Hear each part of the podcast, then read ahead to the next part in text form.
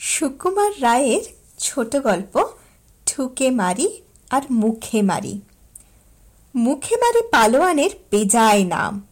তার মতো পালোয়ান নাকি আর নেই ঠুকে মারি সত্যিকারের মস্ত পালোয়ান মুখে মারির নাম শুনে সে হিংসায় আর বাঁচে না শেষে একদিন ঠুকে মারি আর থাকতে না পেরে কম্বলে নব্বই মন আটা বেঁধে নিয়ে সেই কম্বল কাঁধে ফেলে মুখে মারির বাড়ি রওনা হলো। পথে এক জায়গায় পট্ট পিপাসার খিদে পাওয়ায় ঠুকে মারি কম্বলটা কাঁধ থেকে নামিয়ে একটা ডোবার ধারে বিশ্রাম করতে বসল তারপর চো চো করে এক বিষম লম্বা চুমুক দিয়ে ডোবার অর্ধেক জল খেয়ে বাকি অর্ধেকটায় সেই আটা মেখে নিয়ে সেটাও সে খেয়ে ফেললো শেষে মাটিতে শুয়ে নাক ডাকিয়ে ঘুম দিল সেই ডোবাতে একটা হাতি রোজ জল খেতে আসত সেদিনও সে জল খেতে এলো ডোবা খালি দেখে তার ভারী রাগ হলো পাশেই একটা মানুষ শুয়ে আছে দেখে সে তার মাথায় দিল গোদা পায়ের এক লাথি ঠুকে মারি বলল ওরে মাথা টিপেই দিবি যদি একটু ভালো করে দে না বাপু হাতির তখন আরো বেশি রাগ হলো সে সুরে করে ঠুকে মারিকে তুলে আছাড় মারতে চেয়েছিল কিন্তু তার আগেই ঠুকে মারি তড়াক করে লাফিয়ে উঠে হাতি মশাইকে থলের মধ্যে পুরে রওনা হলো খানিক দূর গিয়ে সে মুখে মারির বাড়িতে এসে হাজির হলো আর বাইরে থেকে চেঁচাতে লাগলো কই হে মুখে মারি ভারী নাকি পালোয়ান তুমি সাহস থাকে তো লড় না এসে শুনে মুখেমারি মারি তাড়াতাড়ি বাড়ির পিছনে এক জঙ্গলের মধ্যে ঢুকে পড়ল মুখে মারির বউ বলল কর্তা আজ বাড়ি নাই কোথায় যেন পাহাড় ঠেলতে গিয়েছেন ঠুকে বলল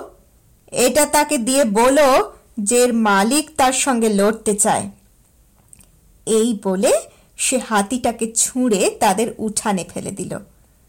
ব্যাপার দেখে বাড়ির লোকের চোখ স্থির কিন্তু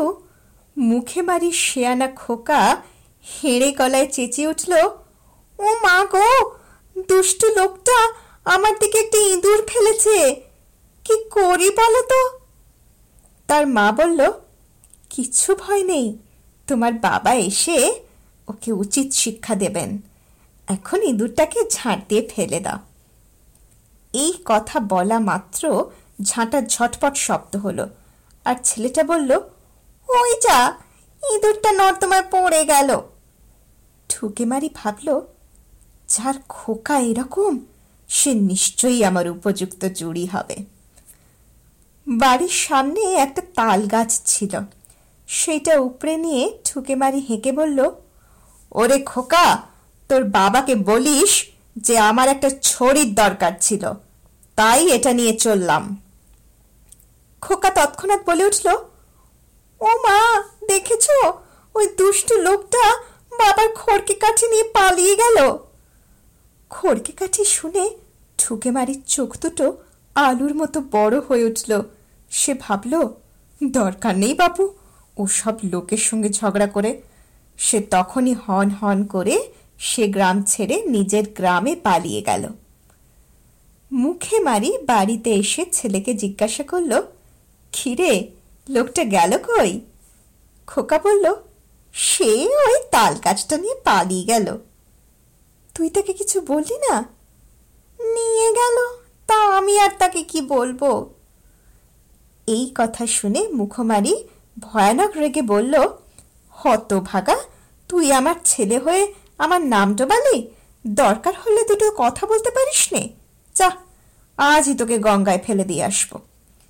এই বলে সে অপদার্থ ছেলেকে গঙ্গায় ফেলে দিতে চলল কিন্তু গঙ্গা তো গ্রামের কাছে নয় সে অনেক দূর মুখে মারি হাঁটছে হাঁটছে আর ভাবছে ছেলেটা যখন কান্নাকাটি করবে তখন তাকে বলবে আচ্ছা এবার তোকে ছেড়ে দিলাম কিন্তু ছেলেটা কাঁদেও না কিছু বলেও না সে বেশ আরামে কাঁধে চড়ে গঙ্গায় চলেছে তখন মুখে মারি তাকে ভয় দেখিয়ে বলল আর দেরি নেই এই গঙ্গা এসে পড়ল বটে ছেলেটা চট করে বলে উঠল হ্যাঁ বাবা পড়ত চলে ছিটা লাগছে